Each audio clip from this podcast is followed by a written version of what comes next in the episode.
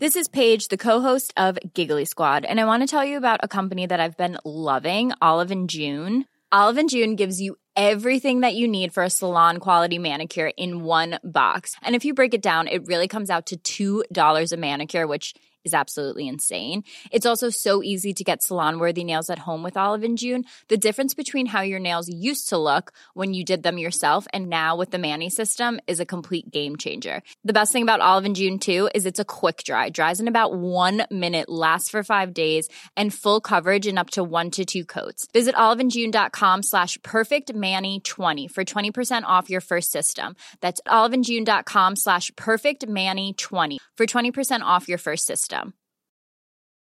Say hello to a new era of mental health care. Cerebral is here to help you achieve your mental wellness goals with professional therapy and medication management support. 100% online. You'll experience the all new Cerebral Way, an innovative approach to mental wellness designed around you. You'll get a personalized treatment plan from a therapist, prescriber, or both in a safe and judgment free space. Your cerebral therapist or prescriber will outline a customized plan with clear milestones along the way so you can get to feeling your best. With Cerebral, you're not alone in your mental health journey. We're here to empower you to live a fulfilling life. So take that first step towards a brighter future and sign up today at cerebral.com slash podcast and use code ACAST to get 15% off your first month. Offer only valid on monthly plans. Other exclusions may apply. Offer ends July 31st, 2024. See site for details.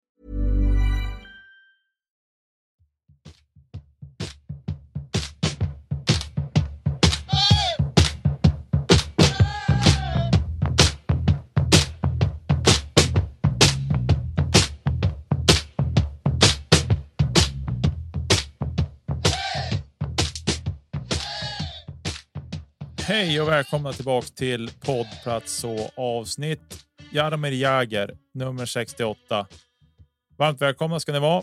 Vi är ju en podd om hockey och sport i allmänhet, IF Björklöven i synnerhet, men ni som lyssnar, om inte för första gången, vet redan om detta.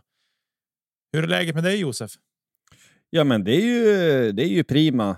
Det är ju full sommar, mer eller mindre i alla fall. Och eh, eh, det ska bli skönt så småningom här. Det är några veckor kvar och sen blir det semester, så det blir ju, det blir, det blir ju prima. Hur är det själv? Du, det är ju fina fisken. Ska inte klaga på någonting alls faktiskt. Nej, men det är bra. Jag eh, mår bra och har mm, mycket spännande grejer på gång här framöver, så det känns kul. Men det ska vi inte prata om nu, utan vi ska prata om eh, ja, men hockey primärt och, och så där. Och sen, ja, vi har lite gott att bjuda på idag ändå. Vi ska prata lite silly och där vet vi ju att det händer inte så mycket, men ändå. Vi ska prata NHL, lite övrig sport. Vi ska hoppa in i minnenas allé, för det var det länge sedan vi gjorde. Jättelänge sedan faktiskt. Och sen har jag och Josef faktiskt fått sitta ner och prata lite grann med Liam Dover Nilsson. Nyförvärv i Björklöven, så den intervjun kommer lite senare. Så håll till godo på den. Men eh, vi kör igång på en gång. Absolut är det så. Nej, men silly vi, vi väntar ju stilla, eh, stilla lugnt, men ändå eh, med en viss förväntning om att eh, de sista platserna ska fyllas. Eh, vi är ju limbo, det har vi konstaterat förut, och det är ju bara så att vi behöver ju vänta tills deadline tror jag, innan det börjar hända någonting. Vi måste ju veta att nuvarande trupp är intakt innan man kan komplettera upp den med det man behöver sen. Eh, vi kan väl säga så här att eh, Solid Sport, eh, Björklunds kanal, där har ju lagt lite olika intervjuer och Stråle har också varit med på ett hörn. Vad tyckte du om den intervjun? Nej, men den var väl bra. Jag, man gillar ju Stråle. Han tycker han är, han är bra. Han är mediatränad. Jag tycker han är bra. Han är lätt att lyssna på och så och gav väl eh, ändå bra input och liksom så tycker jag. Vad tycker du? Ja, nej men det är ju så. Jag, jag gillar också det han säger att man... Eh, han, ut, han säger ju rätt saker, eh, och säga såklart. Så på det sättet sticker inte ut, men han ger ju samtidigt ett eh, ganska förtroendegivande intryck tycker jag. Och det, jag gillar också att han säger att man, man vill lära sig och lära sig sina misstag och, och eh, gå vidare. Och det säger Kent också. Det här, han använder ju ofta uttrycket inte gråta över spilld mjölk, utan det som har varit, det har farit. Så att man lär så. Den dagen man sitter nöjd och lugn i båten bara utan att göra någon, någon som helst ansträngning för att, att lära sig då ska man sluta det jobbet som tränare och det tror jag är helt riktigt. Alltså man behöver alltid känna att man har nya saker att lära. Mm. Eh, och det är bara att konstatera. De sportsliga resultaten gick ju inte med oss eh, som vi ville så att vi behöver göra saker, skruva saker lite grann eller framförallt kanske genomföra saker bättre mot för de planer vi hade. Nej, men i övrigt så är det ju eh, det är ganska, eh, ganska lugnt. Det är ju, om man tittar på övriga hockeyallsvenskan så kan man ju säga att vi är ju välbeställda. Vi har ju ytterst få platser kvar. Det är en eh, tre, fyra spelare totalt kanske som ska in och kanske någon som kommer att lämna som vi inte vet eh, riktigt än. Eller de som har utgående kontrakt får man ju se om de eh, i så fall kritar på mer. Medan eh, många andra lag eh, i och för sig då kanske också kommer att eh, förlänga befintlig trupp. Det är väl inte krasst, det törs vi väl ändå säga att många, det här med att betala lön och sommar och folk stämplar emellanåt, eh, har man, det, det är ju inga hemligheter att det är på det sättet hos en del lag då, eller i hockeyn i stort kanske. Så att, att en del lag har få spelare på sin på roster nu säger inte särskilt mycket i alla lägen. Men det får vi lämna därhän i så fall. Vi, vi väntar spänt på att, att truppen ska kompletteras så att, att den ska bli full. Eh, vi fick eh, en påminnelse om eh, efter förra avsnittet att det var i juli som det blev klart. Alltså efter deadline som det blev klart att eh, trippeln jänkade kom i fjol. Mm. Schilke, Polo och Fortier. Så det kan vara liksom ha kanske lite av ett riktmärke att ha med sig. Att vi behöver som sagt vänta tills deadline har gått år igen. Och det var inga dussinvärmningar heller. Nej, nej, men alltså kom det in sådana bomber då kan man vänta ett tag. Det Verkligen. gör vi gärna. Verkligen. Ja, men eh, jag har inte så mycket mer att fylla på under det segmentet kring Sillin, utan jag tror vi hoppar vidare helt enkelt. Stanley Cup-finalen är i full gång. Vegas Golden Knights har 2-0 matcher på Florida Panthers. Eh, och eh, de kör bara på. Det är två klara segrar. Måste man ändå säga. Det är 5-2 i första matchen och 7-2 i den andra. Vad ska Florida göra åt det här tyckte du? Ja, man undrar ju dels om det är lite slut på bränsle hos deras målvakt som har verkligen storspelat tidigare under slutspelet. Och så sen eh, är det väl kanske. Jag vet inte, de tog sig som de tog sig knappt vidare och liksom till slutspelens och så sen där har de bara gasat på och kört och jag vet inte. Idrottspsykologi. Och det här med att kanske en viss nöjdhetskänsla kanske infinner sig. Jag vet inte, men eh, man vill inte tänka så, men att man ändå någonstans kan tänka så att det är mentalt tungt att nu liksom gå in i matcherna så möter man en motståndare som är så pass mycket bättre som Vegas har varit. Det är klart att det är. Äh, det vore kul för matchserien om om Florida kan resa sig. Nu spelas ju match tre eller den har ju spelats nu när ni hör det här mest troligt om ni inte lyssnar på det på natten när vi just har släppt avsnittet. Men eh, så kan ni kolla resultat om ni lyssnar på och det har hunnit bli dag i Sverige. Så är ju matchen spelad och det kan stå 3-0 matcher eller så 2-1 matcher. Det får vi. Det vet vi inte än nu. Nej, men helt klart är att Florida måste ta nästa. Så enkelt är det ju. 0-3 vänder man ju aldrig. Eh, I princip aldrig i, i Stanley Cup-slutspelets historia när man har haft sju matcher i system. Så det måste man göra.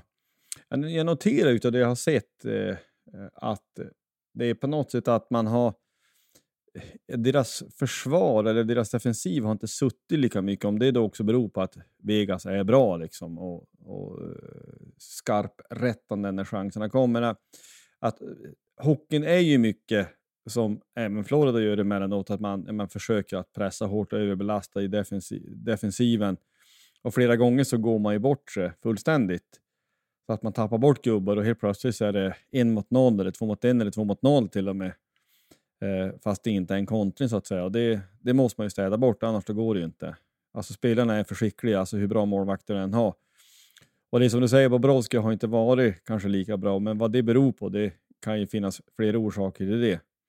Mm. Um, men helt klart är att de, de måste steppa upp lite grann och um, ja, det, det, ska bli, bli intressant att se någonstans om, om man lyckas lösa det här då, för det är ju som sagt långt ifrån säkert. Att ens i liksom, teorin göra göra match av det här. Mm.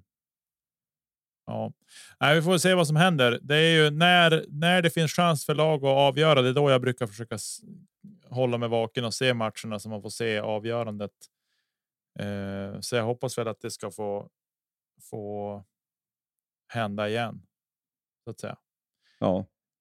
Eh, ja, har vi något mer att tillägga kring den där matchserien? Ja, nej, det har vi ju inte, utan det får bli intressant att se nästa vecka så är det ju ganska troligt ändå att då har vi en Stanley Cup-mästare. Ja. Och det är ju storslaget i så fall. Eh, ja, det hjälps inte. Det är det största man kan vinna inom hockeyn vill jag påstå. Eh, alltså det, det, finns någonting i den här känslan när, när folk lyfter bucklan. Speciellt de som har spelat länge och aldrig gjort det förut. Det är ju det är grymt ändå, det måste man ändå säga.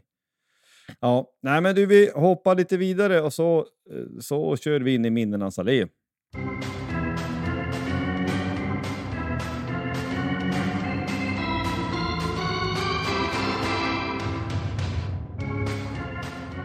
Ja, det är som du säger, att det var länge sedan vi var i minnenas allé. Och eh, har jag nu kollat rätt i våra gamla körscheman så är det eh, nummer 39 till 44 som vi kör, sex stycken nummer. Och eh, ja, men spontant, vad har du på 39 om vi börjar där? Ja, men det finns ju någon, en, någon självskriven just nu som man har färskt i minnet. Det är ju Joel Mustonen. Det kan jag inte säga någonting annat. Och så. Sen har vi några, några Mattias Hellström, Jussi Heikkinen och Mason Graddock. Ja, Mason Grandock det är sådana där äh, lite finsmakarnamn från division 1-tiden. De som kom in under säsong, minns jag. Eh, men när man kollar på en del nummer är det fler än vad man tror. Alltså man kan ju tänka sig att men över 35, över 40 ska inte finnas så mycket nummer. Men, men börjar man gräva och kolla lite så, ja men det är ju framförallt de sista 10, 12, 15 åren ja, liksom 1992 var det inte många som körde liksom med nummer 42. Det fanns inte. Det är ju senare som man har använt mer av eh, lite högre nummer. Mm. Nej, men Joel Mustonen är väl eh, rimlig på ett sätt. Han har ju eh, ja, det är han som man har färskat i minnet. Men just när Jussi Heikkinen minns jag, det var en back. Han kommer ihåg, han tyckte jag var bra. Under vår jag säga, finska era, när vi hade finsk sportchef och det skulle vara finskt överallt. Mm. Men han var bra. Men då lite, kom du ihåg det? Det var ju på den tiden det var så märkligt, vi hade gul bortatröja. Så vi fick ha gröna överlagsbrallor eh, så vi inte skulle få svart och gult istället. Just det, så var det ja. Precis. Ja, det var, det var snarlikt, men man, man nästan kände att det var nästan svart ändå. Ja, det var lite märkligt. Mattias Hellström, eh, center, va, som också var från den, den tiden, vill jag minnas. Mm. Ja, nej, men Joel Mustonen, 39, det är inget, det är inget dåligt alternativ. Och fortsätter man in på nummer 40 så är det ju likadant där. Vi har ju färskt i minnet Sebastian Selin. Um, så är det ju. Men vi har ju några alltså, trotjänare också. En som ska närma sig är Daniel Välitalo. Han hade nummer 40. Och eh, han tog ju upp oss, eller stod ju för oss när vi tog, kom upp från division 1 för tio år sedan. Så det ska ju premieras. Mm. Andra som man kan gräva fram också från, från eh, den tiden, eller ska man backa ännu längre tillbaka? Magnus Gestrin som värvades från Modova, han var ju kapten någon säsong, eller några, säsonger, hade nummer 40. Men Emil Norberg och Jonathan Harty, minns du Jonathan Harty? Mm. Ja, ja. ja, men det är också så här gamla rävar som, som... Det är ju eh, det finns ju, det här med klubbkänsla och spela länge för en klubb, det existerar ju inte på samma sätt. Såklart, det har vi konstaterat tusen gånger. Men Sebastian Selin, han, eh, på något sätt, den linan med han, Freddan och Wiklund representerar ju 1920-säsongen som jag tror många liksom har med sig och kommer ha för lång tid. Att helt plötsligt så står liksom saker och ting rätt. Och att de var helt grymma den säsongen, så han, han vill man gärna minnas. Gestrin kommer man ihåg för att han inte var supersnabb. Det var inte han som var som en pro, men han skulle, hans överstegare. Att det, ja, det... ja, hade inte han också ganska dåliga ljumskar? Ja, det hade han säkert. Har han ett svagt minne av att han var borta och det var det ljumskarna som var dåliga. 41 då, där har vi Marcus Lundberg, Andreas Wikström och Alexander Eriksson. Och ah, det är väl inga namn som sådär som som eh, jag kommer, Alexander Eriksson kommer inte jag ihåg alls. Nej, men det är ju också sådana här eh, namn som inte spelar särskilt länge. Marcus Lundberg är ju också på något vis en division 1 eh, tjänare, man ska säga. Men han var en trotjänare som körde några säsonger. Han var grym i boxplay, kommer jag ihåg. Så han, han är ganska stor också. Mm. Så han kommer jag ihåg, han ska premieras. Och det är likadant om man nu tar... Eh, Daniel Vället har ju fått nummer 40 för min del. Faktiskt hellre än Sedin. Och Marcus Lundberg tycker jag kan ha 41. För de som valde att spela division 1 fast de skulle kunna spela högre, det, det kommer man ju för alltid att minnas. Mm. Eh, så för min del är det ju faktiskt så. Det, det hjälps inte. Det, jag har väl konstaterat förut, alltså den här division 1-tiden den avskyr man ju mycket mer än allt annat. Men det som man minns så här i efterhand på något sätt, det är ju att alltså de som var, de 1500 som var på hemmamatcherna, då alla brydde sig. Det Mm. fanns ju ingen som gick på hockey för att det, det, det liksom var någon slags hype eller det var inne eller att det gick bra. Alla var där för att man älskar Björklöven. Och det kan jag ju minnas eh, som någonting positivt i någon mening i alla fall. Mm. Eh, och som sagt, spelare som valde att spela då, de ska premieras. Så Marcus Lundberg och Daniel Wäletal, vi tackar er så vansinnigt mycket för den tiden. Och eh, ja, den där matchen för tio år sedan när vi gick upp, det är, en, det är ju ett av de varmaste hockeyminnen man har. Mm. Faktiskt. Ja, helt klart. Så är det. 42, då är vi ju... Eh, jag kollar om jag fått det rätt, så alldeles i början gjorde Jon Palmebjörk någon säsong med nummer 42. Fast han är ju 34. Och, eh, och det hade, när det var 34 i minnenas le så påpekar vi det då. Ja, men jag grävt fram Teemu Eronen, också samma, lite samma era som Jussi Heikkinen om jag förstått det rätt. Och så har vi Filip Riska, han är ju tämligen sent, inte så länge sedan. Och Mark Hurtubis kom in mitt under en säsong. Det tycker man ju då var en sån här lite, lite exklusiv värvning. Jag minns Ja. inte bra han var, han var säkert grym. Jag minns Han var väl center. Han var grym på teka vill jag minnas. Men inte minns. Jag kan minnas fel, men jag, jag har som något svagt minne av det. Men jag minns som, som du säger, det var lite så här en spektakulär värvning som vi lyckades med då. Ja. Nej, men det är ju när man tittar runt, runt sånt här så blir det roligt att minnas spel. Ja, just ja, han. Och så han. Och så, ja, men just det, här, det där namnet kommer jag ihåg. Och så ser man att han gjorde fyra matcher eller sju matcher. Så det är inte så lätt att komma ihåg alla. Det är många spelare som har kommit och gått. Ja, men går man vidare och till 43 så eh, jag hittar jag hittar egentligen bara in och det är ju Alexander Popovic som spelar nu. Ja, som var, Det- var med i fjol, va? Inte den här säsongen, men i fjol var han med. Va? Uh, ja, men precis. Alltså en, eh, ja, det, han har ju ett namn som tarvar. eh, han är väl... Uh, han, jag måste kolla här, nu är det, nu är det dålig podd. Uh, podd, men ja, han... Det är ju pojken till Peter. Va? och liksom bara en sån sak är ju storslaget. Eh, nej, men han... han det var ju 2021 och 21-22 som han gjorde lite matcher. Men jag, jag tycker han fick som aldrig riktigt ja, utväxling. Alltså, jag, jag tänkte att han skulle kunna ha utvecklats mer. Men till slut så faller ju... Eh, alltså det är ju numbers game allt det här. Att det, är hård konkurrens om saken. Mm. Eh, han eh, kan man ju se, han har ju gått ganska bra i Hudiksvall och de var inte jättelångt från att gå upp då. Eller jättelångt, det var ju något, den här sjuka målskillnadsaffären som var sista omgången där. Mm. Ja, det vad det med den saken, men går vi in på 44, där har vi ju där måste man ju säga, vi har en del finsmakarnamn, det måste man säga. Det som är närmast är Olle List då såklart. Skjut som en häst och allt det där, han är ju sentida.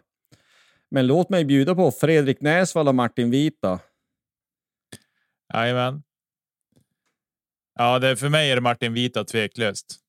Det är inget att fundera på. Just på nummer 44. Eh, Ja, Fredrik nej, men det är Näsvall. ja, finns väl lite historier kring den mannen som kanske inte lämpar sig här, men, men Nej, ändå, man drar på Nej, det är ju så, grann. men alltså han var ju också en sån här, han, nu lite slarvigt uttryckt, men lite liknande Fredrik Öberg, alltså en, en grundtalang. Alltså ruskigt målnäsa vill jag minnas att han hade. Men också likt andra spelare kanske kunde komma eh, med lite grillvikter i augusti. Inte helt superintresserad utav liksom så här beep-tester och sånt. Det är, det är dumheter. Ja. Eh, lite grann så, men en, en, grundtalang är en ruskigt duktig ishockeyspelare. Men eh, Erik Lindberg, Kristoffer Abrahamsson och Pontus Marén är också spelare som har haft 44. Nej, men Martin Vita för min del också. Alltså det är den här matchen 98 som vi, jag tror de flesta lövarna återkom till. Som när han gör mål i sista sekunden. Det, är, ja, det glömmer man ju aldrig. Aldrig. Mm. Nej. Um, hade Olle Lis skjutit upp oss i fjol eller något sånt så hade man kanske kunnat diskutera den saken. Men Martin Vita är det för min del också. Ja. ja men där har ni det. Det är några nummer och vi ska återkomma. Vi ska inte dra riktigt lika många avsnitt tills nästa gång vi rör oss i minnenas allé. Men det här är ju ja, det är kul ändå att minnas och komma ihåg lite gamla, gamla spelare. Övrig sport? Ja, ja jag såg eh, ja, Degerfors hade det som väntat jobbigt borta mot Malmö FF. 0-5. Man hade inte ett avslut på mål. Och eh, 05, eh, liksom Degerfors bästa spelare var ju målvakten. Han gör en rätt bra match ska sägas. Det kan bli 7-0 och 8-0 också. Jag, alltså, jag tror att på fem borta matcher har Degerfors släppt in 22 mål. Halvjobbigt att vinna matcher på bortaplan där du släpper in 4-5 baljor eh, per match. Äh, det, det går ju inte någonting måste ju hända. Hemma på Stora Valla så är det en helt annan sak, men jag fattar inte vad det beror på. Eh, och nu är Malmö bra, de tillhör ju favoriterna att ta SM-guldet, men i alla fall, det är ju inte... Nej. Det är inte tillräckligt bra helt enkelt. Nej. Det är, det är ett par bortamatcher nu, så det är början på juli som nästa hemmamatchen kan vara som man kan gå och se på. Vi lämnar det där hem, men vi måste ju ändå nämna dock eh, vad det gäller fotboll att Zlatan Ibrahimovic, han lägger av och jag, jag, tycker att det överhuvudtaget inte är någon diskussion om att han är Sveriges bästa och största fotbollsspelare genom tiderna. Mm. Ja, det, det är. Eh, man har som gått och väntat lite grann på att han ska lägga av. Och i, i ett par år i alla fall har jag gått och väntat på, men han har ju bara kört på och trummat på och spela i i liksom en av de bästa ligorna hela tiden. I i världen. Det var klart när han var över till USA så vet inte om man kan säga att han var. Han var inte i toppskiktet av ligor där när han spelade i LA Galaxy var det han var där, men mm. så länge han har varit i Europa så har han ju alltid spelat i i bra lag och eh, det är otroligt imponerande att kunna leverera över en så lång tid som han har gjort. Och jag ska inte säga att han har varit skadefri, men ändå skapligt skadefri. Eh, han har väl gjort mål alla säsonger han har spelat. Sen han påbörjade sin proffskarriär 2001 eller något sånt. Ja, alltså jag kom ju ihåg någon. Alltså då bodde vi i Vilhelmina. Vi pratade ju 99 eller någonting när han gjorde eh, sina första mål i Malmö FF. Han gjorde väl tror jag två stycken sin första match. De gick ju upp om jag minns rätt så, så Malmö FF åkte ur fotbollsallsvenskan. Sen gick de upp där och första säsongen så smällde han i två första matchen där. Och sen så såldes han till Ajax. Uh, och om jag förstår det här rätt, men han har ju vunnit Alltså han har ju vunnit titlar vars han än har farit. Mm. Alltså var han Ajax, ja men då vann Ajax-ligan. Var han i både Juventus och Inter, och Juventus var den här eh, Calciopoli, det var ju någon sån här skandal där med mutor och skit. Ja, men han har vunnit med liksom Inter, han har vunnit med Barcelona, han har vunnit med AC Milan, han har vunnit med, med Paris och allt detta. Och, och vann han inte ligan med Manchester United, ja men då vann de Europa League i alla fall. Och han har eh, liksom varit, eh, vad säger man, nominerad till Ballon d'Or hur många gånger som helst. Och då måste man ha klart för sig att ja, men är, du är du samtida med Messi och, och Cristiano Ronaldo, då är det ju inte helt enkelt. Nej, som dessutom är ett par år yngre än honom dessutom. Ja, Nej, men det är så. Tittar man i landslaget, 122 landskamper har han gjort och han har gjort 62 mål. Han har gjort två VM-slutspel och fyra EM-slutspel. Första landskampen 2001 kanske du sa och sista, land, sista landskampen 2023. Nej, det är, det är en sån spelare så att det, det är ju helt, eh, helt overkligt.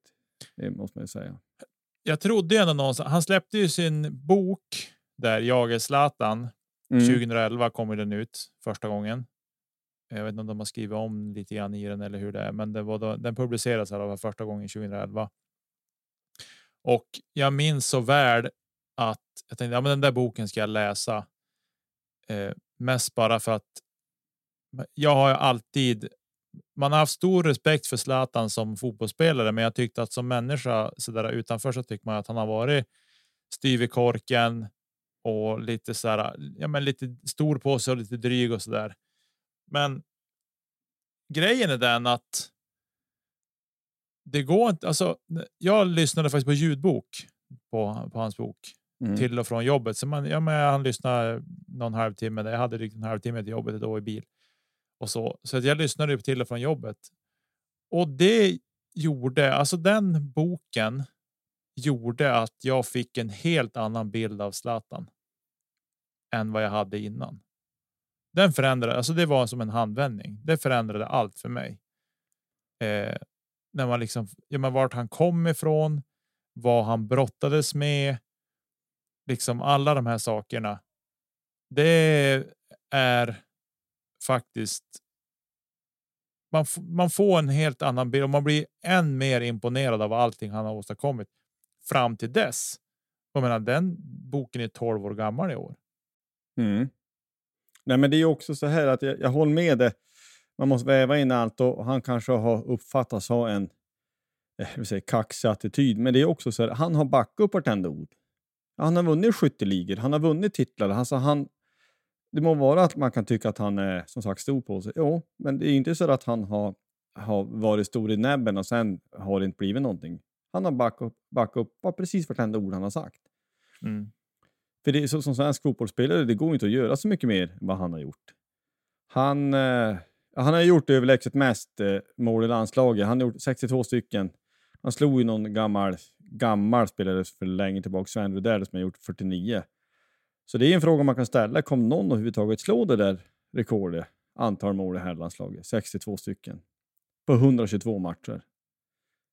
Det är tveksamt va? Det är tveksamt. Jag kommer ihåg. Jag kommer inte ihåg om det var ett EM-kval eller om det var ett VM-kval, men vi skulle möta Danmark i alla fall. Och Zlatan hade ju aldrig gjort mål på Danmark inför den där matchen. Och jag vet att det var ganska mycket skriverier i media kring det där. Men ska Zlatan verkligen spela den här matchen? Han har aldrig gjort mål mot Danmark eller någonting. Och sen slutade det med att Zlatan gjorde tre mål mot Danmark. Ja. Och jag tror att det var en match som eh, var. Ja, alla kvalmatcher är viktiga, men jag tror att den var en avgörande faktor för att vi skulle ta oss vidare. Ja, och man kan ju också ställa sig frågan om man bara backar tillbaka i hyfsad närtid. Om man hade varit med 2018 i VM så kanske man hade kunnat haft en joker och slänga in mot, eh, mot England i kvarten där. Mm. Till exempel. Till exempel. Eh, om inte omfanns. Nej, men det är bara att lyfta på hatten till en makalös karriär. Jag hoppas verkligen att, att svensk fotboll och eh, svenska landslaget framförallt ser till att hylla honom på något lämpligt ställ, sätt och inte när man möter San Marino eller Luxemburg eller någonting om man gör det, utan man ser till att man tar det på ett full, fullsatt Friends för tillfälle. Mm. Så får man kanske lämna det här allt detta runt, alltså den moderna fotbollen och hans kopplingar till Malmö FF och sen hans engagemang i Hammarby och sånt, det får man lämna det här just den här dagen tycker jag. Ja, jag håller med. Eh, eh, så är det. Nej, men det är ju som sagt den bästa svenska fotbollsspelaren genom tiderna och han, eh, han, det är bara att lyfta på precis alla hattar som går för det, det han har gjort, det, det är ytterst, ytterst tveksamt om någon ens skulle kunna vara i närheten och upprepa den saken. Så, men vi gör väl så här att vi går vidare. Och eh, vi fick ett samtal med Liam Dover Nilsson. Eh, fantastiskt trevligt och innan ni ska få lyssna på det så ska vi bara säga att han, han ville påpeka själv att han råkade säga fel vid ett tillfälle. Han sa att, ja, att Stefan Öhman hade sprungit tusen mil, det har han inte gjort. Men han har sprungit tio mil och det är gott så. I alla fall, så ni får ta och lyssna på det samtalet här.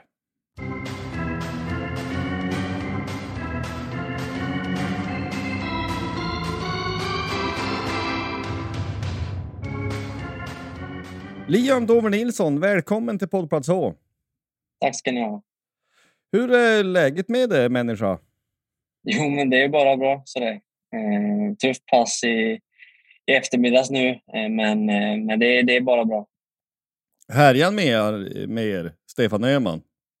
Ja, han kör, han kör hårt med oss, men, eh, men det behövs. Det, det, det är bara nyttigt, så det, det ska göras det med. Ja, jag förstår det. Då är det så att du befinner dig i Umeå nu då uppenbarligen. Ja, exakt. Ja, det låter ju bra. Ja, men vi, går väl, vi kliver på rakt fram. Jätteroligt att du ville vara med. Eh, för, förutom att du har spelat matcher i Umeå, vad, vad kände du till om Umeå och Västerbotten innan du bestämde dig för att krita på? Ja du, det, det var väl inte sådär jättemycket. Um, det var väl som du säger, jag har varit där uppe och, och spelat så jag har mest sett eh, Scandic och, och Vintos då. Helt enkelt. Jag har aldrig varit här innan men, eh, men eh, måste säga att jag är förvånad. Det, vilken fin stad det är. Um, det liksom många studenter vilket gör att det blir liksom en, en, en, en ung stad som, som det händer mycket i och, och, och trevliga människor framför allt. Så eh, nej, jättekul. Härligt. Ja, ja vad har ju, vi kommer att väva in lite lyssnarfrågor allt eftersom, men vi kan väl ta den där. Hur, hur gick värvningen till Björklöven till? Alltså hur ser en sån process ut egentligen för den, om du tänker för de som inte vet någonting? Jo, nej men eh, jag hade ju ett Eh, år eh, kvar på mitt kontrakt med Frölunda egentligen. Eh, men jag kände efter säsongen som var så, så vill, jag, vill jag ha ett till år i Allsvenskan. Ehm, och, och jag känner väl att för ett allsvenskt lag ska, ska kunna lita på mig och tro på mig till, till fullo så, så tror jag att det var bäst att eh, liksom bryta då och, och signa med, liksom, på ett nytt kontrakt med ett allsvenskt lag.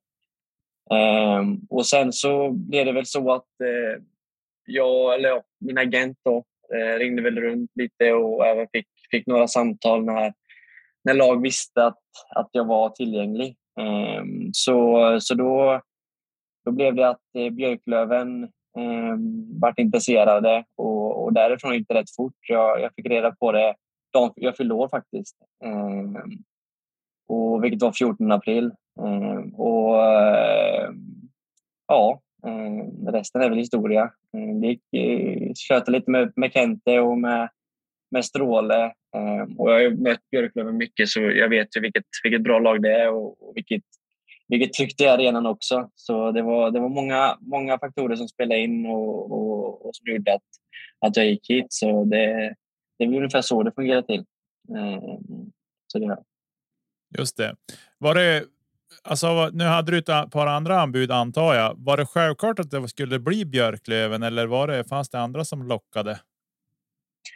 Nej, men det var mer att, det var mer att allsvenskan, det var, det var det jag hade som mål. Att, att jag kände efter jag var utlånad till, till Västerås i fjol så, så kände jag att för min hockeykarriär, för min utveckling så, så vart det, var det allsvensk hockey som jag tror att jag kommer kunna utvecklas mest i i kommande år. Och, och ja, det, liksom när, när vi fick reda på att Björklöven var intresserade så, så vart det inte så mycket att fundera på egentligen. För eh, för jag vet vilket, som jag sa, bra lag det är och, och hela den biten. Så, eh, nej, men det var rätt självklart att det blev Björklöven till slut.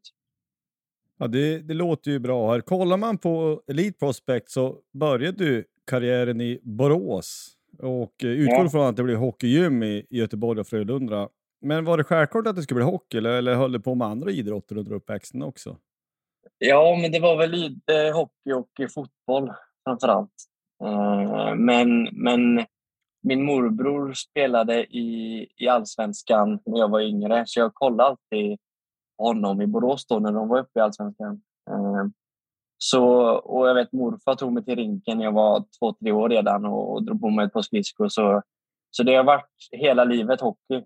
Eh, och, och jag tror på något sätt så, så har det liksom hela tiden varit lusten till att gå till ishallen har varit större än att än att springa ut på fotbollsplan. Så, eh, jag tror när jag var ungefär 13-14 eh, år så visste jag väl att eh, det var hockey jag skulle, skulle hålla på med till slut. Då måste jag ju fråga, var han med? Vi är ju gamla människor, så vi minns ju ett uttåg i något playoff där mot Borås. Var han med då, din farsa? Eh, min morbror. Eh, jo, men det är inte omöjligt. Jag, jag kommer inte ihåg exakt vilket år, men det kan ni kolla upp. Lenny Dover heter han. Som, samma som mitt, eh, ena mitt efternamn. Då, så, eh, det, det, är nog inte omöjligt, men, eh, men jag har inte stenkoll på det. Just det. Eh, Medan Josef kollade upp det där så tänkte jag bara höra. Du är 1,83 lång och 78 kilo om nu inte Stefan Öhmans grötätning och fyspass har gjort skillnad. Och du är dessutom listad som center eller som vinge. Vilken position spelar du helst på om du får välja? Um, först måste jag rätta. Stefan har fått in mig lite dundergröt. Jag är uppe på 86 kilo nu faktiskt. Oj bara. Så, Mycket bra. Så nej, men jag tror det har varit, varit lite fel ett tag. Men, men eh, i alla fall.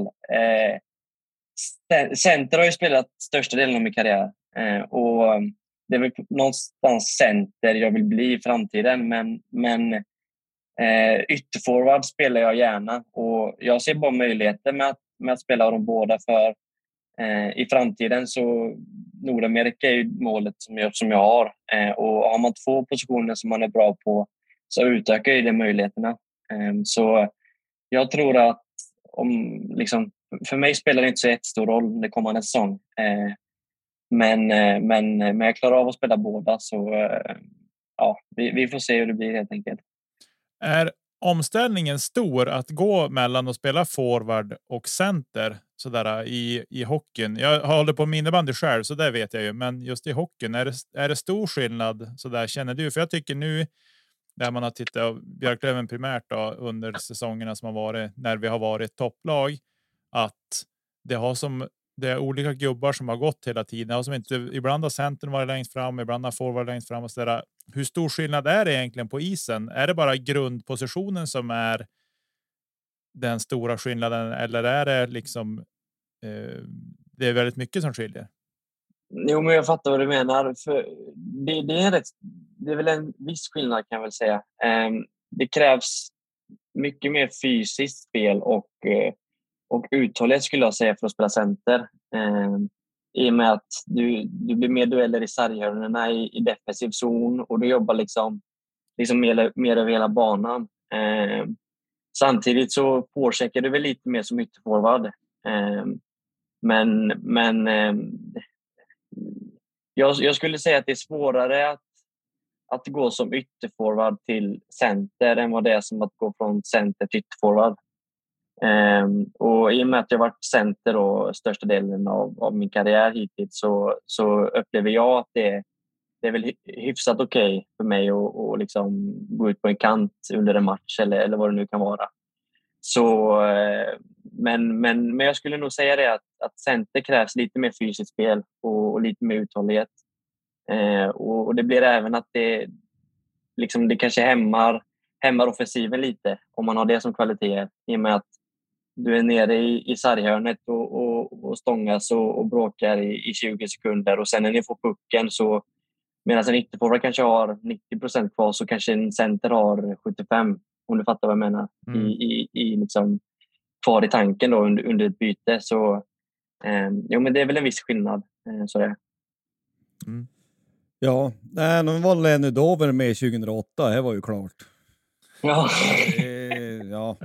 Nej, vi, vi som är så pass, vi var med, jag var på de, de, matcherna, alltså hemma, det minns jag. Det var förlängning någon match där. Ja, ja, men det, nu, nu tittar vi framåt.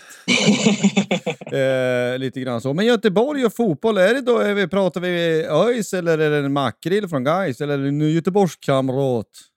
Ja, nej men det, det blir makrillarna för mig. Eh, och det, det har vi farsan att skylla på. Eh, han han var också sportig när han var ung, så han spelade i Gais eh, i junioråren. Han var väl med någon träningsmatch med A-laget tror jag. Sen, sen la han av. Eh, han skyllde på, på ett knä eller vad det var. Ni vet hur det fungerar. Det är klassiskt. Nej, men... Han har ju spelat landslag och allting och mitt knä. ja. Nej, men skämt åsido. Det, det, det fick bli Gais. Eh, så det blir. Tyvärr så, så är de inte i allsvenskan längre, men, men de är på väg upp. Nej, jag försöker i alla lägen jag kan slå ett slag för Degerfors. Jag bor i, i, i Värmland. Jaha, äh, ja, det, är, det är du och Bom då? Oliver Bom håller också på, på Degerfors. Ja, det är ju en bra människa, ja. det hör man ju direkt. ja. Eh, så är det. Ja, men vad trevligt hörru du. Vi ser också att du har spelat i landslag, både U16, J18, J20 och i J18 var du kapten till och med. Hur var upplevelsen att få dra på sig landslagströjan så? Nej, men det, det var ju magiskt såklart. Eh, speciellt, jag kommer ihåg U16 är ju första, första landskampen man gör eh, och eh, jag hade förmånen att vara med de, de tre första turneringarna och jag minns man, man kunde nästan inte ta in för man var liksom så exalterad och, och nervös på samma gång. Eh, och jag menar, när man ser tillbaka på, på det nu så, så liksom, det är en stolthet som man, som man bär med sig. Eh, så eh, det var väldigt kul. Är det då också som man, man kan tillåta sig själv att tänka tanken liksom att men jag är nog rätt bra på det här ändå? Om man nu, om man, om man nu tänker så. Men om du tillhör liksom bland de bästa i din årskull så kanske man ändå börjar fundera. Ja, så, så försöker jag väl inte tänka så, men eh, det, det är väl klart att eh, man, det är väl 30 ungefär som roteras på, på de här platserna under säsong. Så det är ju det är liksom, det är såklart att det, det är väldigt kul och nära, men, men samtidigt så, så är det ingenting man kan... Man kan liksom inte vara nöjd för nästa år kommer ett nytt landslag och, och efter det så kommer ett nytt. Liksom, och, och, och som tävlingsmänniska jag är så, så nöjer man sig liksom aldrig. Eh, utan man, man vill ta nya mål hela tiden och, och ibland så, så som det var med JVM i fjol, då, då, då blev jag eh, borttagen i sista samling. Så det, det, liksom, det, det, man kan inte aldrig känna sig nöjd i hockeybranschen om man lärt sig utan eh, det, det finns alltid nya mål att ta. Eh, så eh, ja, det är, väl, det är väl det jag säger om det. Men eh, vi, vi, ser här, jag, jag googlar lite och kollar och ser någonting jätteledsamt att när du var 14 så avled din mamma. Ja. Hur har det påverkat dig som människa i första hand och spelare i andra hand skulle du säga?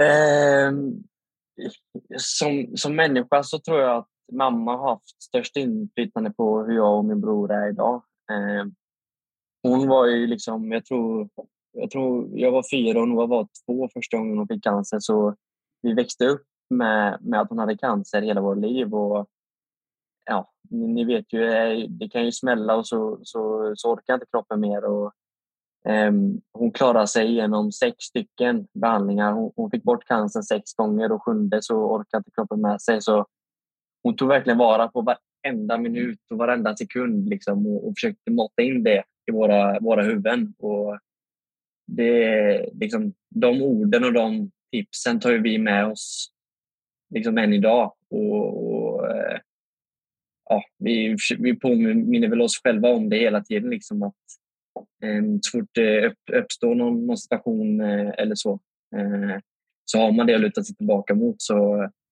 ehm, som person så tror jag hon har gjort, eh, och pappa också såklart, men hon har gjort verkligen oss till den vi är idag. Helt klart. Ehm, på isen så, så tror jag att det finns väl någonstans där också. Det har hela tiden varit hockeyn som, som har gjort att man har liksom släppt tankarna på det. Eh, I och med att eh, det blir liksom att man, man gör saker som, utan att tänka. Det var, det var liksom vår frihet. Så, eh, ja, personlighetsmässigt, men, men man är ju en person på isen också, så, så absolut, det tror jag verkligen. Alltså, vi försöker ha ett motto, människa först, spelare sen, alltid. Eller spelare ledare sen. Eh. Jo, men lite så. Alltså att eh, du, du, får, du, du, du ska behandla andra som, som du vill bli behandlad själv. Eh, var en sak hon alltid brukar säga. Eh, och, och, en sak som jag upprepar för mig själv än idag är ju jag kan, jag duger, jag är glad, jag gör. Och det, det är väl lite, lite människan före, före kanske hockeyspelaren också då. Men eh, nej, det, Uh, nej men alltså det, vi, vi vill ju också alltså på något sätt, alltså vi som, ja men vi är supportrar i grunden men också lära känna människan och, och spelaren. Och vi kan ju säga så här, eller jag kan säga så här, mina föräldrar dog tidigt också. Så att livet far fram, det kanske också en, eh, kan vara en sida av tillvaron som är väl värd att lyfta ibland. Just därför att ja. det kan kanske hjälpa någon annan också. Så är det absolut. Så det, ja, det är bara bra att ta upp det. Du nämner att du har en, en bror också, Noah, som har spelat hockey, som är två år yngre. Har ni några likheter och har ni även liksom några större skillnader i era spelstilar? Ja, vi har väl rätt många likheter skulle jag ändå säga. Eh, båda är ju offensivt, eh, in, liksom har sina styrkor i offensiven eh, från början. Eh, sen så, så har jag alltid sagt att han är... Jag har alltid fått, fått bita mig själv i, i tungan och säga det, men han har alltid varit lite mer crazy på isen om man säger så. Lite, lite skickligare Eh, har, jag, har jag märkt än vad jag var i hans ålder. Sen så är det många som har sagt att jag, jag hade storleken eh, jämfört med han, men nu, nu, nu har han växt ikapp så nu är vi lika långa. Eh, så eh, ja, han, han är på sån här draft combine just nu i Nordamerika. Draften kommer upp uh, nu om några veckor så uh, ja, nej, det ska bli kul att följa hans karriär. Vi försöker, försöker tipsa och, och, och ge varandra råd hela tiden. Det, det är grymt kul faktiskt. Ja, när du nämner draften så står det att du varit draftad i den, eh, den femte rundan 2021. Hur var det? Hur fick du reda på att du blev draftad? Följde du Eh. slaviskt på natten där eller? Ja, nej, men första rundan är ju på kvällen och på natten. Sen så dagen efter är andra till sjunde rundan och då börjar de lite tidigare. Så då börjar de på morgonen där bort, borta i Nordamerika. Vilket är ungefär eftermiddagen i, i Sverige. Eh, och sen går det på rätt fort där så, så vi satt, eh, vi, vi, vi bjöd hem eh, familjer och, och närmsta vänner eh, och satt och, och kollade på, på draften hemifrån i, i och med att det var corona så det var liksom på, di, på distans då, online kan man säga. Ehm, så vi satt där och, och, och väntade och ja, det, var, det var ju magiskt när, när namnet eh, rullade upp där på skärmen faktiskt. Det var, det var som att liksom, ja, men man har ju höga förväntningar på sig själv och, och jag, liksom, det var ju ett av mina mål jag hade satt upp så det var liksom en, en lättnad blandat med liksom, eh, vad heter det? Eh, ja, men ex, exalterad. Liksom att, att eh, ja, men nu jävlar, nu, nu vill jag bara köra på ännu hårdare. Eh, sen så visste jag att eh, jag är inte redo för NHL liksom året efter det utan det, det får ta den tid det tar. Men, men nu har jag ett lag som, som tror på mig och som, som kan hjälpa mig och, och vägleda mig till, eh, till Nordamerika. Då. Så det, ja, det var sjukt sjuk kul.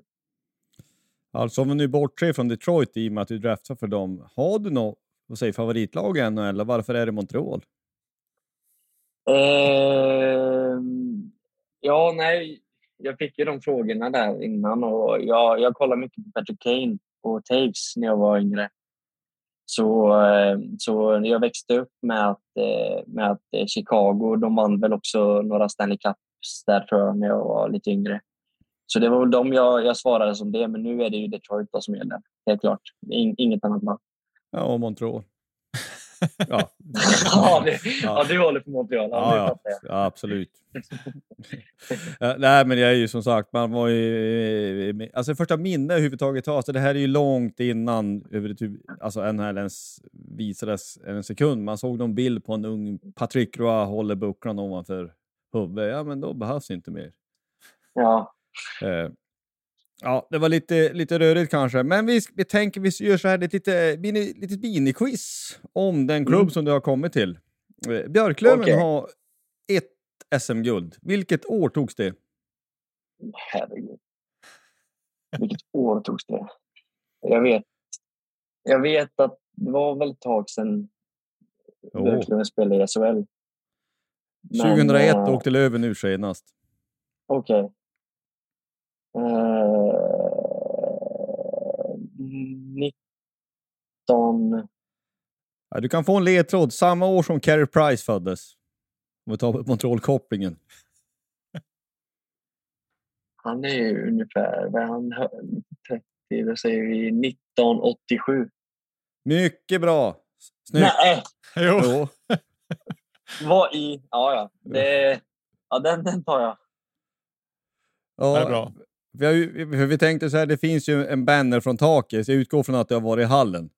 Men jag, innan du gav mig ledtråden så tänkte jag på 1987. Men, så det kan väl vara att det finns något bak i, minnen, men, eh, i minnet. Men eh, ja, det var en liten chansning får jag ändå erkänna. Ja, då, tar vi en, då blir det ju en svårare här då. Det finns några nummer som är pensionerade i klubben. Vilka är det? Ja, det var ju inte 19 än i alla fall i och med att jag kunde, kunde få det. Um, vad ska vi säga? Kan det vara någon back? Säg fem. Ja, fem, det är ju la, gamle storbacken Lasse Karlsson. Jag personligen är ju som, kan ju tycka, han spelar inte så länge. Nej, men det här är ju jättesvårt. Alltså, det, vi har ju en, den bästa målskytten i klubbens historia, Alexander Beljavski. En lättländare ja. som var hur bra som helst. Eh, han är nummer nio, så det numret är pensionerat. Mm. Och så har vi en spelare, eh, Patrik Sundström, som gjorde tio år i NHL och som fortfarande har ett rekord i NHL. Um, mest poäng i en slutspelsmatch uh, med uh, åtta. Tre, tre mål och fem assist. Så det var en bra kväll på jobbet. Ja, det kan jag Nummer 17 ja. hade han. Okej. Okay. Och så har vi en, också en gammal legendar som gjorde jättemycket mål. Nummer 27, Tore Ökvist. Okej, okay, ja. så 9, 17 och 27. 19, alltså nu, ja, nu har vi liksom öppnat dörren. Om jag tycker att något nummer till ska pensioneras så är det 19 faktiskt. Ja. Okay. Både för att du har det kanske jättelite, men också en gammal back som heter Peter Andersson som gjorde jättemånga landskamper och var med och vann SM-guld alltihop. Ja, jag ska uh. försöka mitt bästa för att, för att bära upp det så bra jag kan. Ja, det kommer du garanterat att göra. Och dessutom så är liksom hela målsättningen med klubben att vi ska gå upp. Ja. Uh, och den, den dagen vi gör det, om vi gör det, då kommer man ju vara hur lycklig som helst. Men vi tar en sista fråga då. Tar du den Nicke? Ja, vilket år bildades klubben Björklöven? Fasen, det har jag ju sett på någon logga. Visst är det 1800-talet? Inte? Nej, så långt kanske inte var. Åh! Det var alltså, ingen Björk... nästa fråga. Men, nej, vi, vi, vi kör ju sådana. Nej, men det är, Björklöven är ju en sammanslagning utav IFK Umeå och Sandåkers SK. Eh, okay. Det var flera klubbar som bedrev ishockey i eh, Umeå och sen bestämde man sig för en elitsatsning. Ja, kan man inte, det är jättesvårt. 1970. 1970, ja, jag hade sagt 1936 faktiskt, för det var ju långt ifrån. Ja, nej, men det är inte så lätt. Nej, men du, du, då fick vi ge dig lite utbildning också kanske. Ja, nej, men det är bra. Det behövs. Kan du gå och glänsa med det i omklädningsrummet här framöver? Ja, några quiz med och Rahimi och, och frågar, frågar eh, quizen. Precis. Det låter bra. Eh, du, min, eh, det finns en kille som heter Alfons Nyman. Det är tillika min systerson faktiskt. Han eh, undrar vad har du för förväntningar på säsongen 23-24? Eh, nej men. Målet är såklart att gå upp till SHL. Det är ju våra stora mål. Eh, och, och för min egen del så eh, är det väl att ja, men utvecklas och, och vara en ledande spelare i laget. Eh, vara en som, som, som producerar men också kan spela viktiga minuter. Eh, så eh, det är, väl, det är väl det som jag har förväntningar eh, skulle jag säga. Ja, det är en som har eh, Max Lutman som också frågar vad ser du mest fram emot? Du har kanske svarat på det lite grann, men ser mest fram emot den kommande säsongen? Ja, men det är faktiskt att, att få spela i Vimpos som, som hemmalag. För jag minns när ni drar igång den här, dels låten som, som Freddan har skrivit, men också den här dun, dun, dun, dun, dun, dun. Det bara kokar liksom. Det, det ser jag fram emot. Verkligen. Klassiska med österrikiska opus. Ja.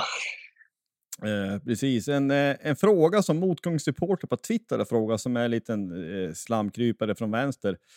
Kan man säga. Har du ätit parisare någon gång? Om jag har ätit parisare? Ja. Jag har ju flyttat norrut i Sverige vet du. Det är ungefär som ni har ju halv special i Göteborg. Ja, ja exakt. Parisare är en norrländsk specialitet som jag varmt kan rekommendera. Det är en hamburgare fast med en stor korvskiva istället för en biff. Jaha, ja, men det måste vi testa. Absolut. Det är mat för en kung. Ja. Ja, det är bra. Du, Molly Thorén undrar, kände du någon i laget sedan tidigare och har du någon åsikt, känsla om fansen i Umeå? Eh, jag kände väl inte någon sådär eh, jättebra tidigare. Jag, jag har mött William Jussola många gånger i, eh, i landslagen, så vi, jag visste lite liksom eh, ändå, ändå vem, vem han var och sådär. Eh, sen så är det klart, jag vet vilka Rahimi de var också, men, men nej, jag kände faktiskt ingen i, i, i laget, tänker jag starkt. Men det, det gjorde jag inte. Och sen så var det mer förväntningar på... Har du någon åsikt eller känsla om fansen i Umeå? Ja, nej, men det var ju som jag sa innan. Det, liksom, och vi har hört det också. Det, det är nog de lojalaste och, största fansen skulle jag säga eh, i, i Sverige. Och eh, ja, bara trycket som är på de här matcherna, det, det är magiskt. Så eh, jag, jag har bara, bara liksom positiva känslor och tankar om, om fansen faktiskt. Jag måste ju få fråga där. Det hör man ju från många håll och kanter att det är ett snablatryck i Umeå när det liksom när det är mycket folk på plats och så där och klacken sätter igång. Du har ju spelat i Skandinavien också mm. eh, i Frölunda. Hur är det? För jag tänkte, där är ju liksom 12 000 på plats. Hur är ja. det en helt annan? Det är så mycket större arena så det blir inte samma tryck där. Eller hur? Hur är det? Lite så är det faktiskt. Eh, det, det är ju 12 000 som säger, vilket är många personer, men arenan är ju så stor så det blir liksom inte samma tryck mot, mot rinken om man säger så. Mm. Eh, och sen så är det ju liksom, det är, det, är, det är klart att de flesta som är där håller på Frölunda, men det är, Göteborg är en rätt stor stad så jag tror det är väldigt många som kommer på matcherna bara för, för, liksom för stämningen som inte kan så mycket om hockey egentligen. Mm. Eh, så det är klart att det, det, är bra tryck där också, men, men det, det stämmer. Det blir liksom inte samma tryck mot, mot isen om man säger så, mm. eh, som det är i Dimpos. Precis. Eh, vilka, generalism och fråga så här att vilken är den bästa eller mest inspirerande spelare som du har spelat och tränat med hittills? Det var en bra fråga. Eh, Ja, du har ju Joel Lundqvist såklart mm, som är där uppe. Men jag skulle faktiskt vilja säga Max Fiber. För jag har aldrig sett någon person hata och förlora så mycket som Max Friberg. Det är liksom det är definitionen av tävlingsmänniska. Och, eh, ja, nej, det, var, det var bara att se och lära. Och, och jag som hade förmånen att och träna och vara med han nästan varje dag i fjol. Det var ju, eller ja, innan jag åkte till Västerås då, men, men även tidigare. Det var, det var verkligen nyttigt. Så eh, Max Friberg skulle jag säga. Ja, nej, men han är ju grym. Så, så är det ju bara. Om du nu har hunnit bilda, hunnit bilda någon uppfattning om spelare och ledare i Björklöven, är det någon som har gjort något stort intryck där då hittills? Eh, ja, jag är positiv från alla måste jag säga först, men, men framförallt eh, hur, hur snäll och liksom hjälpsamma de här ledande spelarna är i Björklöven som Daniel Rahimi och, och Freddan. Eh, det är klart, jag, liksom, alla har varit hjälpsamma, men framförallt eh, Danne och, och Freddan. De, vi har suttit ner och snackat lite innan och fyspass och sådär och, och är det någonting så, så hjälper de dig med det med en gång. Liksom, och, eh, ge gärna tips och råd så ja, det, är väl, det är väl de två framförallt skulle jag säga. Nej, men det är väl också så här att det är så ledare ska vara. Vilket jo, är lätt att säga, absolut. för det kanske inte är så alltid. Men det är ju den uppfattningen jag får. Vi har haft med dem båda två. Det är supersnubbar bägge två. Ja, verkligen. Eh, så är det bara. Men eh, du har nämnt lite grann hur, du, ja, men hur det var att spela mot Björklöven. Och Eh, var det några som du tyckte var extra jobbiga att möta och eh, hur det då i så fall känns att man ska vara på samma lag då? Ja, nej, men det är ju såklart eh, Rahimi som är, han är tuff att möta. Men eh, jag tror det är många som bildar en uppfattning om att han är lite, lite ful och, och liksom småtaskig på isen. Men, men shit vilken liksom skillnad det är utanför isen. Han är ju världens snällaste människa. Eh, skulle man kunna beskriva honom som. Eh, eh, så ja, nej men det, det var väl framförallt Rahimi som man fick stångas mot i sarghörnorna och han vägde ju några kilo mer än vad jag gör så det var, det var tufft. Ja, nej men det, det, kan man ju förstå. En, en standardfråga som vi, vi, vi går väl lite på avslutningen, men vi, en standardfråga som vi brukar ställa till våra gäster, det har du jägarexamen? Det har jag inte. Nej, det måste vi åtgärda, det hör jag. Nej, det har både, både Rahimi Wiklund och även Nick Schilke är jaktintresserad. Så det hörde jag också, det är ja. bra folk direkt. Ja. ja, nej, jag faktiskt jag kan inte minnas att jag varit ute och, på jakt någon gång faktiskt. Det, det, det, det hade varit kul att testa faktiskt. Det skulle jag absolut kunna göra. Ja, du får prata ihop det med Rahimi då och Wikland ja. så får ni fara på någon ja, tur. Absolut. Ja, eh, så är det. Hur, eh, så, så lite, lite mot avslutning. Hur inrutad är sommaren för dig? Alltså får man detaljerade program av eh, Stefan Öhman då, till exempel, att det här ska du göra varje dag? Eller hur, är det liksom eget ansvar eller hur funkar sånt? Nej, men just nu, från när jag kom upp då i maj och eh, till midsommar så kör vi ju liksom, vi som är i Umeå. Eh, och då är ju Stefan med eh, Eh, varje pass och, och då får vi ett pass som vi gör. Eh, liksom, och, och, så är han där och, och liksom, ja, svarar på frågor och, och kollar så att, så att allting görs som det ska och, och följer upp vår utveckling, liksom, var vi ska ligga i, i vikter och, och även uthållighet och sådär. Eh, sen är han ofta med och kör också, vilket är kul. Ehm, eh, men eh, det är väl så det ser ut just nu. Sen så nu är jag inte helt säker, men jag, jag, antar, vilket det har varit innan, då får man ju pass under juli månad som man kör hemma. Eh, den liksom, man kallar det ledighetsmånaden, men, men den är väl egentligen inte så mycket ledighet, utan du kör ju på ungefär samma, samma som du gör under, under när du kör med laget eh, i juli. Eh, men bara att du gör det ja, där, du, där du bor liksom och vill vara.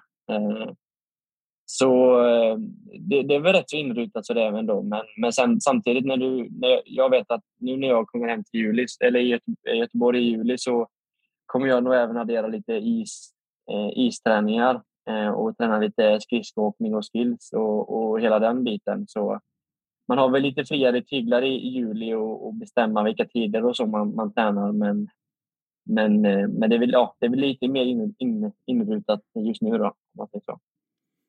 Har ni tester före ni går på sommaruppehåll och direkt efter för att se att ni ska i alla fall inte ha tappat någonting utan helst kanske ha bättra på dem? Ja, men exakt eh, så är det. Så eh, vi har ju testat, tester när vi kom upp och så tester innan midsommar. Eh, och sen så har vi tester första veckan i, i augusti. Eh, så då, det är för att se att ja, vi har ju satt upp mål som vi, vi vill komma till. Och, eh, ehm, då, har man ju, då ser man ju nu då innan, innan eh, midsommar var vi ligger då. Och sen så det slutgiltiga målet är att nå alla dem, kanske till och med förbättra eh, vad man har satt, upp som mål i augusti sen då. Så det är väl lite så det ser ut. Vilket test är värst att göra? det som är jobbigast är nog, eh, ja, det får väl ändå vara Dana, uthållighetstestet. Ja, jag misstänkte nästan det. Ja, det, det brukar vara, vara uthållighetstesten som är, ja, nej men det, det är liksom, eh, jag ligger väl okej okay den nu liksom, men jag vill, jag vill förbättra det också så, så det gäller att pusha, pusha sig själv varje dag. Vad gör du en vända på Dana på? Håller du minuten? Eller är ja, bit under? Ja, jag försöker komma ner under. Eh, jag får se. Jag tror, jag tror jag klarar mig precis då vad vi har som godkänt nu i, i maj. Men jag vill, vill byta ner dem lite så jag tror vill komma ner och snitta 54, 55 på, på alla fyra som vi springer. Eh, det är väl det är målet så att säga. Just det. Vad har ni, kör, ni, kör ni 50 meter eller kör ni 25 meter? 50. Så det blir det sex vändor. Liksom. Sex vändor, ja precis. Mm. Just det. Ja, det är intressant. Jag är tränare själv för ett seniorlag i innebandy så att vi har också kört dagen, fast vi har kört 25 meter för att få in mer start och stopp då det gäller innebandy. Ja, exakt. Eh, så, så den och den är ju tung faktiskt. Jo, men det, det är det. Ja, men det är intressant. Det vi nämnde ju Stefan Öhman att varje bild eller filmklipp man ser på han, han ser ju ruggigt fitt ut fortfarande. Ja, det är han kan jag säga. Han, han sprang eh, var det tusen mil nu i fredags till lördags tror jag. Eh, jag var med någon sån där lopp. Så han, ja, han, är, han är nog inte långt ifrån eh, oss i, i, i liksom, tränad i fysiken och sådär. Utan han, han är, jag tror uthållighetsmässigt så är han nog bättre än, um, än liksom, eller ungefär på samma nivå som, som de flesta i laget. Han är, han är verkligen bra tränad. Han är lite grann som då Sveriges Rod Brindamore. Ja. Du säger som han, alltså tränare i Carolina, att han, eh, Eh, nej, men liksom på, han är ligger topp 10 på de flesta test och styrka. Ja. Han är, kör ju stenhårt. Liksom. Han är gubben är över 50 år. Så, Ja, det är sjukt Eh. det. Ja, nej, Stefan brukar köra med oss eh, några pass faktiskt i veckan. Så han är, han är väldigt bra tränare. jag frågar dig Niklas, det var väl inte så många säsonger sedan som han blev anmäld som spelare tror jag. Alltså, vi hade jättemycket skador.